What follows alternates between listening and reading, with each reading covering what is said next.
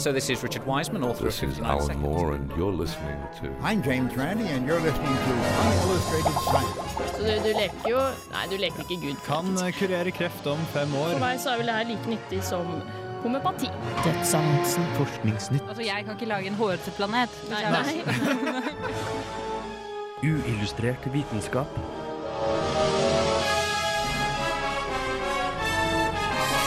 Science, it works, bitches. I dagens sending får du vite hvordan neglelakk kan forhindre at du blir voldtektsdopet, hva forskerne bruker supercomputerne sine til, og i tillegg skal vi kaste nytt lys over Schrødingers katt. Hei og velkommen til Uillustrert vitenskap. Mitt navn er Hogne, og med meg i dag så har jeg Gaute. God dag. Og Agnes. Hallo. Ja, eh, Agnes, du har en liten Nei, fun... Du Har en fun fact. Ja, ok, Jeg har en fun fact, da, plutselig. Ja, um, vi har begynt med noen sånne små fun facts eh, helt i begynnelsen, og fun facten i denne ukas sending er at ender har egne regionale aksenter. Sånn som oss mennesker. Så vet du det også. Nå får du A Little Lost av Sufjan Stevens.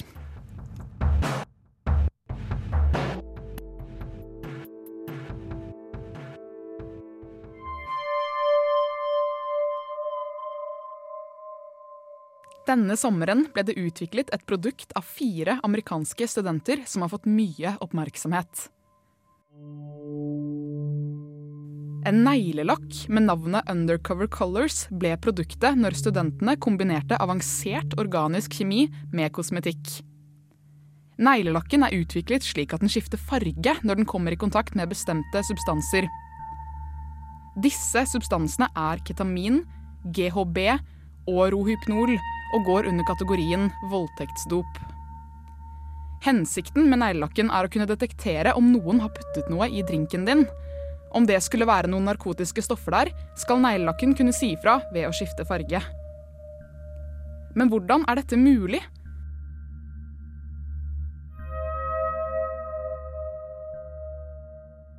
Ved å ta en kikk på tidligere patenter kan man finne ut at lignende forsøk har blitt gjort, da ikke med en neglelakk, men med porøse substrater som skal forestille bl.a. servietter, menyer og papirkopper.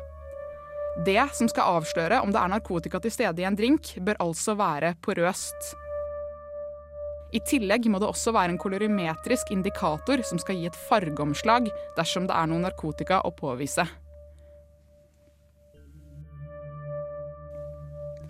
For å forstå mer av mekanismen til denne innovative neglelakken, har vi tatt en tur til Kjemisk institutt på NTNU. Ja, det er Elisabeth Jacobsen som er førsteamanuensis på Institutt for kjemi og jobber med organisk kjemi.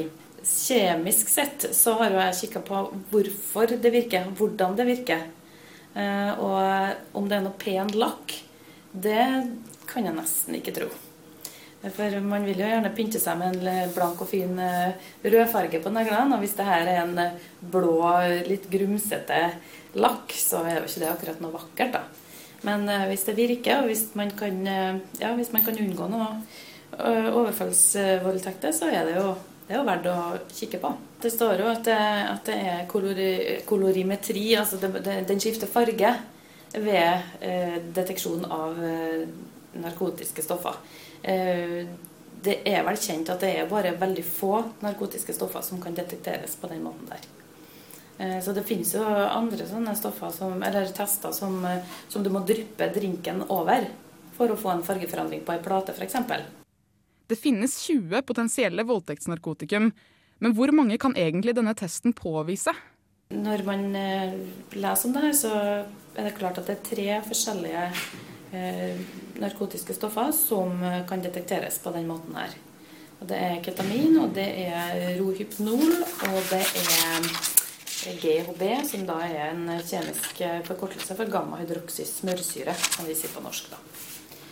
Så eh, det, det jeg har kunnet tenkt meg er mekanismen her, eller det kjemiske grunnen til at det kan skifte farge, det er at det dannes noe som heter diasoniumsalt.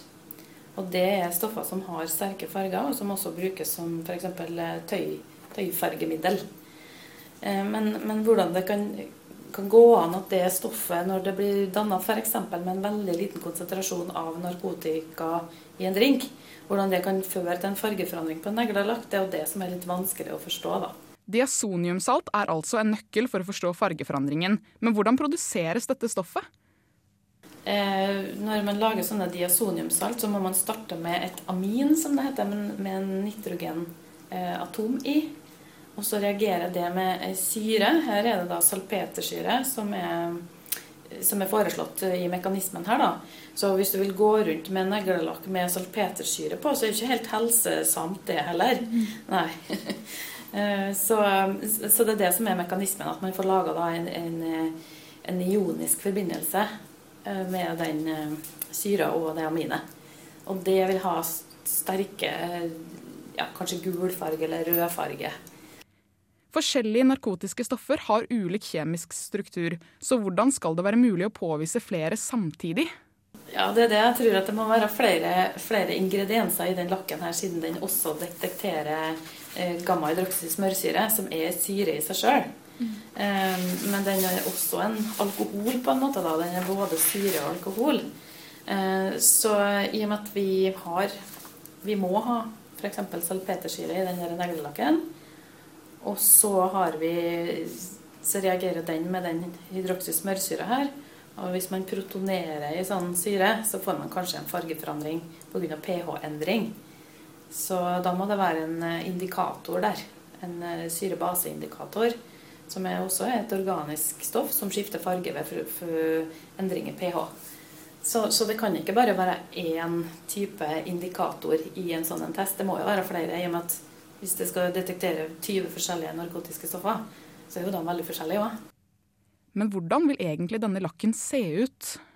For at det skal være noe som kan løses opp og reagere med det bitte lille mengden av et eh, narkotisk stoff, så, så, må det være tilgjengelig å kunne løses opp. Så hvis, hvis det er en veldig glatt uh, lakk, så vil jo ikke den kunne reagere med noe. Neglelakken bør altså være porøs, og det er bare ett av flere utfordringer med å produsere den. Det som er problemet, som jeg ser her, det er jo å få Eh, det narkotiske stoffet når det har reagert som et diasoniumsalt eller til et diasoniumsalt, som er veldig en ionisk forbindelse, så vil jo den være veldig løselig i vann. Så hvordan få den til å henge på fortsatt på neglelakken?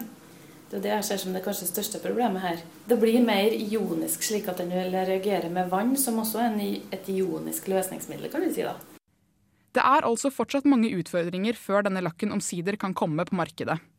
I mellomtiden kan man passe på å ikke ta imot drinker fra fremmede. Ja, der fikk du høre litt om denne her eh, fantastiske neglelakken. Eh, men eh, ja, selv om jeg forstår det hvordan Eller forstår og forstår, men jeg forstår halvveis hvordan det fungerer kjemisk sett. Hvordan er det du skal egentlig bruke denne her neglelakken i praksis? Ja, Det er det som er litt vanskelig, da. For de som publiserte det her, de hadde jo et sånt illustrasjonsbilde av bare noen hender som holdt en drink. Men den neglelakken her bør jo på en måte være litt sånn porøs. Jeg tror egentlig det er meningen at man skal putte liksom fingrene i drinken, da, for de må jo på en måte De må jo reagere med hverandre på et vis. Og så regner jeg med at siden den skal være porøs og sånn, så kommer den jo ikke til å se så veldig flott ut, egentlig, da. Så vi får se hvordan dette her blir. Så det er jo, det er jo fortsatt eh, det er jo ikke noe som har kommet på markedet enda, og det er fortsatt veldig usikkert når det kommer til å skje, men det er i hvert fall en veldig kreativ idé da, som har en veldig god tanke bak. Mm. Men altså, hvis du uansett skal putte fingeren din ned i drinken for å sjekke om det er noe uh, ulumskheter nedi der, hadde det ikke vært lurere å ha noe annet å putte nedi der? Altså en sånn bitte liten sånn der, uh, pinne eller noe sånt noe som du bare kan uh, Som ser litt mer naturlig ut? Ja, ja som du bare liksom kan ja, jeg vet ikke, putte i en liten lomme eller noe sånt noe, og så ta ut og dyppe nedi istedenfor å gå med fingeren nedi. Det må jo jeg tror poenget er at det skal se så naturlig ut som mulig. Før så brukte man jo sånn brosjyrer da, som egentlig var sånne plater som man kunne dryppe litt på, men det ser jo litt rart ut at du sitter og liksom heller ut litt av drinken på en plate for å se om det skjer en reaksjon.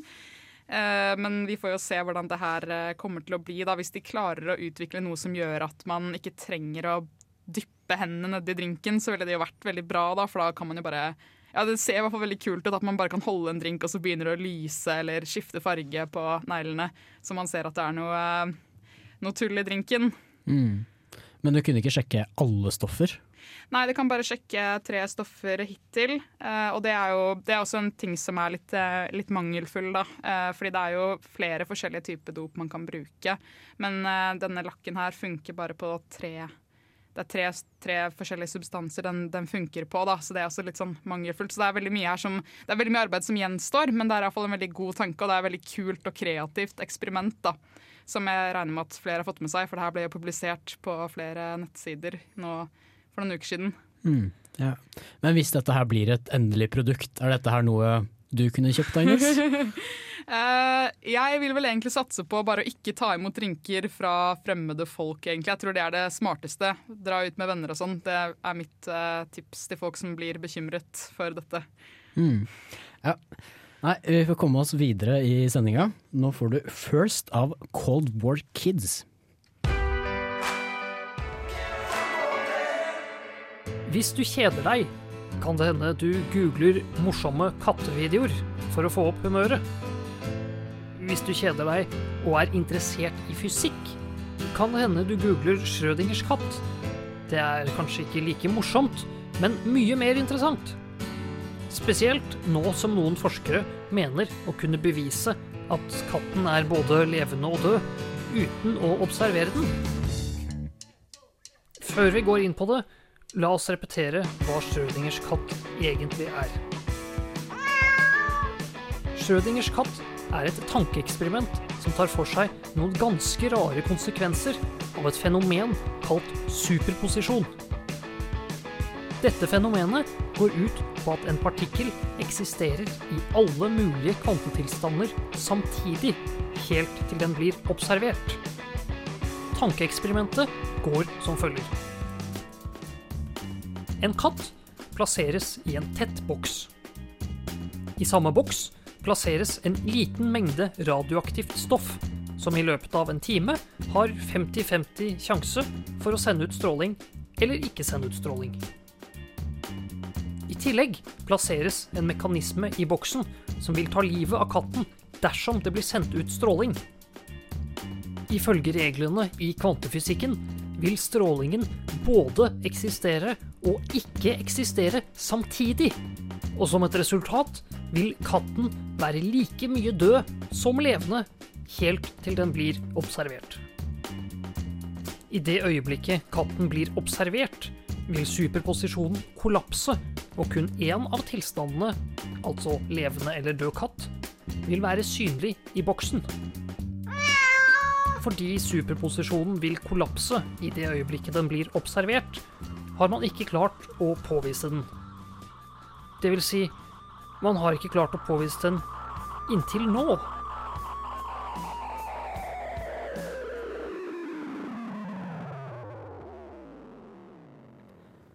Ja, der fikk du høre litt om Schrødingers katt. Veldig forståelig.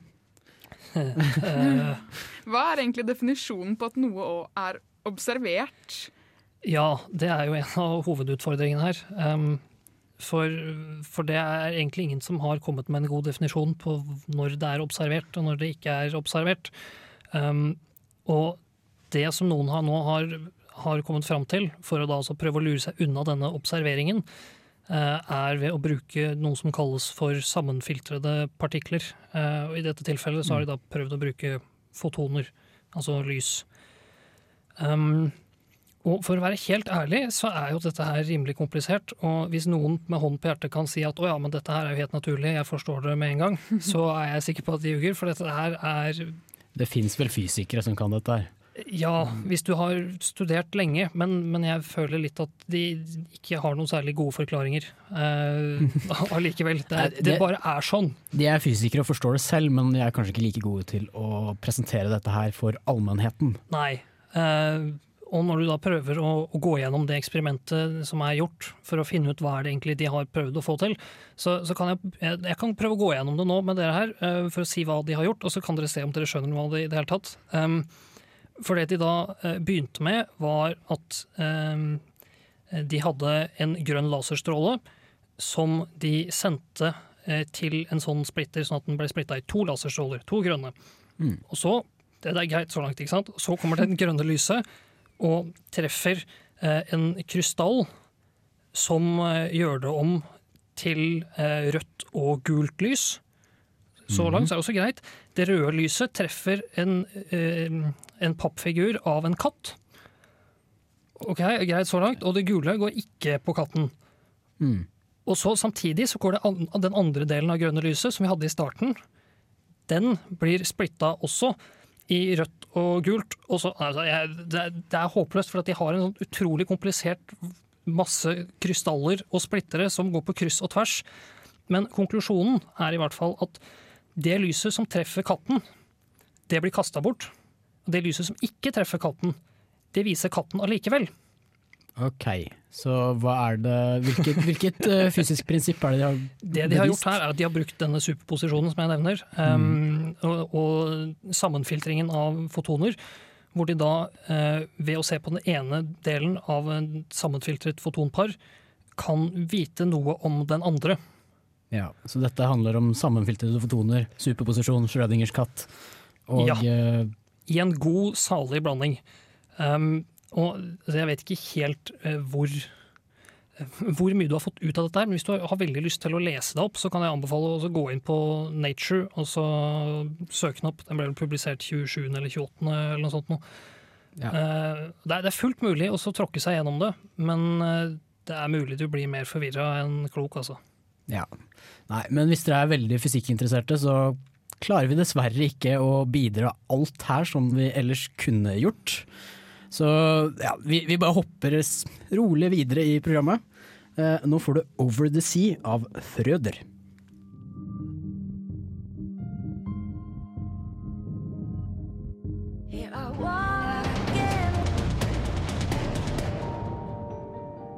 Det er nesten skummelt hvor langt vi har kommet i forsøket på å skape en kunstig intelligens. Det er ikke lenger slik at bare vi mennesker bestemmer hva robotene skal ha kunnskap om og kunnskap til å gjøre. De er nemlig selvlærende, og vi trenger ikke engang å fortelle den hva den skal lære. Det klarer den nemlig helt selv, etter at vi har gitt den informasjonen den trenger.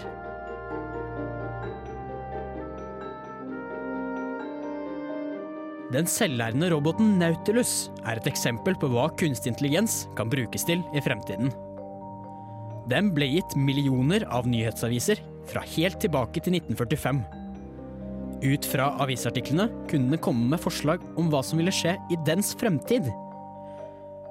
Det kanskje mest spektakulære resultatet var at den kun ved hjelp av aviser gitt før Osama bin Laden ble tatt, kunne prediktere hvor bin Ladens hjemmested var, med en presisjon innenfor 200 km radius i Nord-Pakistan. Dette tok, som vi husker USA, elleve år, to kriger, to presidenter og en god del billioner dollar for USA å få utført. Fremover skal Nautilus brukes til å prediktere den faktiske fremtiden. Så får vi se hva den klarer å prediktere.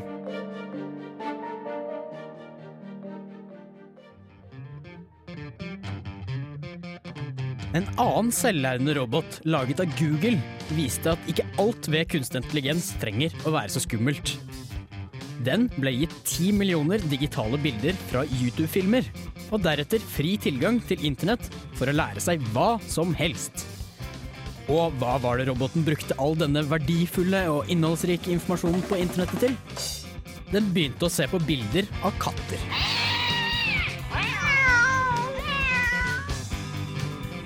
Etter omtrent 16 000 kattebilder hadde supercomputeren også fått dannet et bilde av konseptet katt, og kunne generere sine egne kattebilder ut fra tidligere fotoer den hadde sett.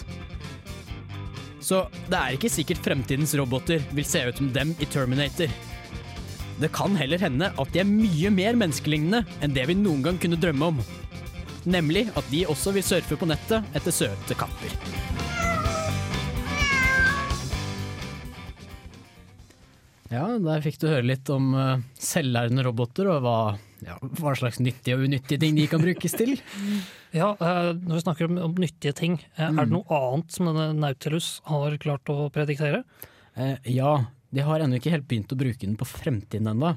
Men det de gjorde også, var å prediktere den der arabiske våren i Egypt.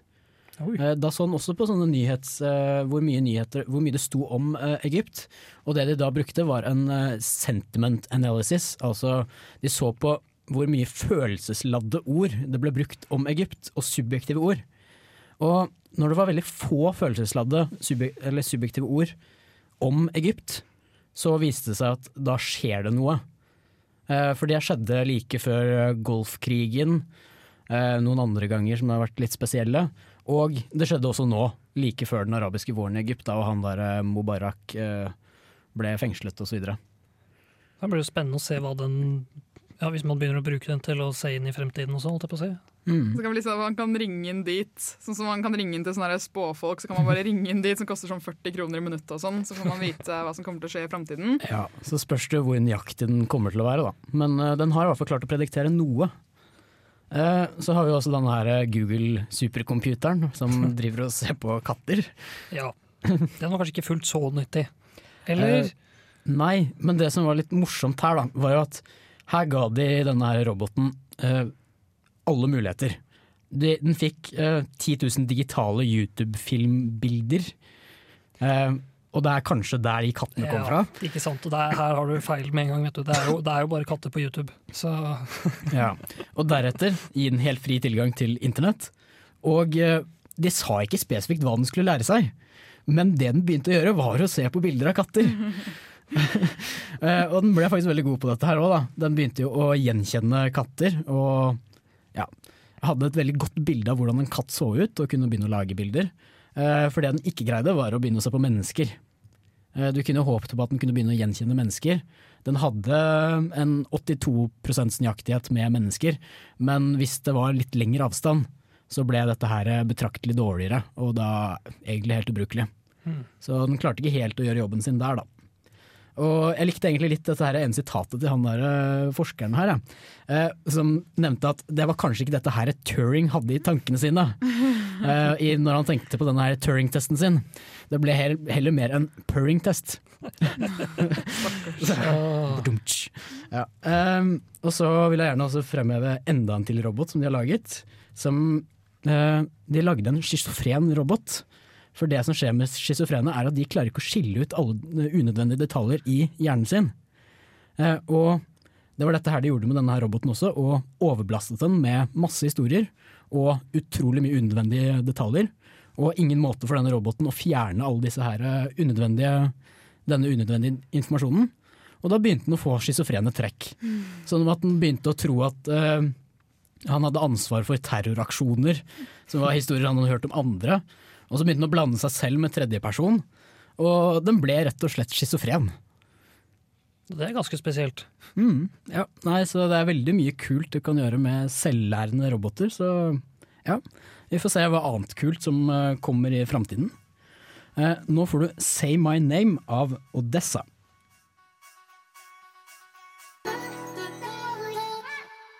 Mitt navn er Bare Egil. Du hører på radio Revolt på internettmaskinen din. Ja, eh, nå tenkte jeg at vi skulle prate litt om eh, Folkeopplysningen og den første sendinga deres, hvor de da diskuterte supermat. Ja. eh, For de som ikke vet hva det er, så er det da et program som går på NRK, eh, hvor programlederen er fysikeren eh, Andreas Wahl. Og altså det, Jeg kan jo si at det kom jo ikke ut noe som var sånn helt fantastisk nytt eh, av å se på det. Altså, du burde skjønne at supermat ikke er så veldig super, hvis du bare begynner å sjekke litt på hva som egentlig er inni der. Ja, um, fordi supermat er ingen beskyttet tittel. Uh, supermat er det forsket mye på, men uh, da det var forsket på det, så var det mer normale uh, grønnsaker og frukter det var snakk om. Men da disse her folkene tok over dette her supermat, så var det egentlig byttet ut med disse her veldig eksotiske og dyre bærene og sånne ting. da. Som Og- for eksempel Nei, spirulina og chlorella og gucci-bær og amlabær og akai. Ja, og, og, og kokosnøtt. Kokosnøtt var den eneste vanlige frukten som var liksom innenfor dette her med supermat. Og de mente at dette her supermat dette her var en helt egen kategori. Det er ikke vanlig mat, dette her er supermat. Siden det er supernæringsrikt og har alt dette her du trenger. Ja, det ble vel sagt at ehm, at forholdet mellom supermat og vanlig mat er som forholdet mellom vanlig mat og junkfood. Ja, så brokkoli og sånne ting er tydeligvis ikke bra nok. Nei, det er junkfood for kroppen, rett og slett i forhold til supermat. forhold til supermat, ja. Disse goji-bærene og spirulinaen. Og det er egentlig ikke noe galt i at de presenterer dette her supermaten med at det er næringsrikt, og de pulveriserer det også i lite pulver, sånn at det blir veldig, veldig, veldig næringsrikt. Det blir kanskje ti ganger så mye næringsrikt. Men det er måten det selges på som er problemet. Fordi dette selges veldig, veldig dyrt. Dette er veldig eksotiske stoffer og sånne ting. Og ja, var det spirulina eller noe sånt som kosta 1300 kroner kiloen? Ja.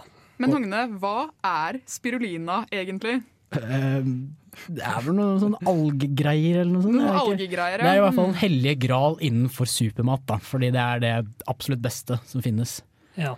Og eh, det, de gjorde da, det han Andreas Wahl gjorde da, var jo han gjorde et forsøk på et laboratorium som viste at eh, spirulina har veldig, veldig, veldig bra med næring, og alt dette her du trenger. Men det han deretter gjorde, var jo da å knuse kål til også pulver, som man kan gjøre veldig, veldig billig, og fant ut at eh, kål var like bra. Ja. Så ja, kål i pulverform ga jo like mye energi som spirulina i pulverform. Men det, man snakker jo om at spirulina er så detoksiserende. Ja, men det, det begynner å bli veldig mye rare, ubegrunnede, eller ikke forskningsbaserte argumenter, da. Eh, og de kommer med veldig mye rart. Dette her med detokserende, altså at det skal gi deg glatt hud og alt mulig rart, det, det tror jeg ingen har forsket eh, eller kommet fram til noe ordentlig resultat på. Og hva, altså, hva er det egentlig de mener med detokserende? At det fjerner giftstoffer?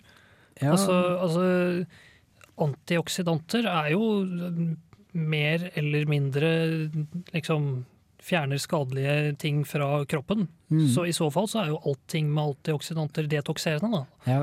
Og det som er problemet er jo at dette er så dyrt at du kan få i deg så lite. Eh, fordi Mm. det er veldig mye blogger og sånne ting som driver og blogger om supermat og får en effekt av dette her. Um, dette er da kanskje mest sannsynlig en placeboeffekt, for det, det de holder på med er at de tar altfor små mengder. Det, det står liksom utenpå pakken at du må ta to gram med spirulina eller noe sånt om dagen, så vil det hjelpe deg veldig. Og selv om dette her pulveret er superkonsentrert uh, nærings og næringsrikt, så vil uh, ja, to gram vil tilsvare kanskje 20 gram kål. Og 20 gram kål er absolutt ikke nok for å ha om dagen, da. Så i de små mengdene tas, så har det egentlig ingen effekt annet enn placeboeffekt. Ja, men siden dere er så negative, jeg tenkte, kan jeg bare komme med en liten hypotese? Det kan jo Mm. hende at grunnen til at det er de detoxerende, er jo det at den algen her er jo planteplankton. Så den har jo mindre miljøgifter enn vanlig tran, da, som har gått lenger opp i næringskjeden, ikke sant? Ja, ja, nei, jeg kan ikke så mye, men uh, jeg vet ikke om det Jeg tror ikke det finnes noen forskning på dette her, da. Og da vil vel en økologisk kål være minst like sunt, Ja. tror jeg. Og problemet her er jo også at eh, de som har skrevet disse her supermatbøkene som kom etter den opprinnelige supermat, som nevnte ganske mye vanlige matvarer, var f.eks. en som heter Jon Oppsal. Eh, Og han, eh, han ser veldig veldig sunn ut, da. Han ser veldig svær ut. En eh, sånn ja. Ja, det kommer an på hvilken definisjon du har av sunn, kanskje. En van Thomas, ja. Men ja. Uh, han har også han eier også halvparten av dette her Supernature, som selger supermat i Norge. Så han er jo ikke veldig objektiv når det kommer til supermat. Nei. Og han har jo et uh, overlegg, eller han har jo noe i baktankene da, når han driver og prater så positivt om eh, supermat. Det er klart, altså, det kan jo ha en positiv effekt, så det er jo ikke bare negativt. Men som sagt så er det mest placebo. Uh. Ja.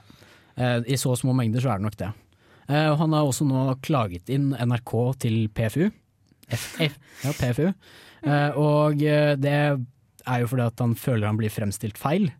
Det var vel det som skjedde med Folkeopplysningen for to år siden også, og da ble de ikke dømt. Så vi får se hva som skjer nå. Men jeg mener ikke NRK har gått over noen strek nå heller. Så det blir spennende framover. Uh, og en siste ting jeg også kan si, da, uh, er at uh, eh, de nevner at klorofyll er så bra. Eh, det skal da være basedannende på kroppen, hva nå det betyr. Har antioksidante egenskaper, nøytraliserer stråling og kjemiske giftstoffer. oi, oi, oi. Men eh, det er ingenting av dette her som er forskningsbasert. Da. Det er veldig svake studier, eller ikke har noen forskning i det hele tatt bak seg.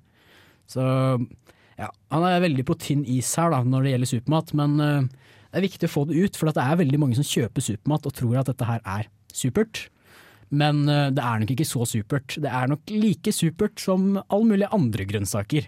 Så spis sunt og variert er vel kanskje trikset uansett. Og ikke minst billig. Spis billig. Ikke bruk 1300 kroner på Ja. spirulina. Ja, I hvert fall hvis du er en eh, fattig student sånn som oss. Eh, vi får komme oss eh, videre i sendingen. Nå får du Mahogny Dread av His Golden Messenger. Hi, this is James Grime from Numberphile, and this is Unillustrated Science. Ja, da har vi begynt å nærme oss eh, slutten av sendinga. Eh, vi rekker kanskje én liten forskningsnyhet, Agnes. Ja. Du har eh, noen sekunder på det? Ja, OK. Eh, nå har de utviklet en engangssolcelle som er lagd av plastikk og ikke silisium. Og det er veldig praktisk fordi det er billigere og litt mer eh, anvendelig, kanskje.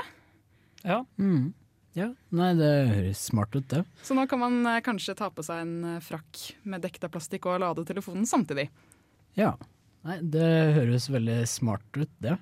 Uh, ja, det var vel kanskje den der forskningsnyheten vi rakk. Uh, vi får bare komme oss videre i programmet. Uh, nå får du 'Work So Hard' av Shaggy. Ja, da gjenstår det egentlig bare å si ha det, og kanskje reklamere litt for eh, Facebook-sider som aldri oppdateres, og Twitter-konto som aldri aktiveres. Jeg skal, jeg skal begynne å være på Twitter. Jeg har snakka om det kjempemasse. Ja. Det, jeg syns alltid avslutningsstikket vårt vårt er bare 'vi skal bli bedre'. vi har ikke blitt det ennå. Nei, eh, jeg har vært Hogne, og med meg i dag så har jeg hatt eh, Gaute. Ha det bra. Og Agnes. Vi ses. Vi ses neste uke. Vi høres. Høres også. Uillustrert vitenskap er Midt-Norges eneste teknologimagasin på lokalradio. Og vi snakker om alt fra populærvitenskap til sære forskningsprosjekt ved NTNU. Radio Revolt, studentradioen i Trondheim, er stolt av å kunne presentere podkaster fra de aller mest populære programmene våre. Hvis du har lyst til å høre mer fra Radio Revolt, hvem vi er og hva slags musikk vi spiller, så kan du høre oss på FM-båndet i Trondheimsregionen, eller streame sendingene våre live på radiorevolt.no. Thank you.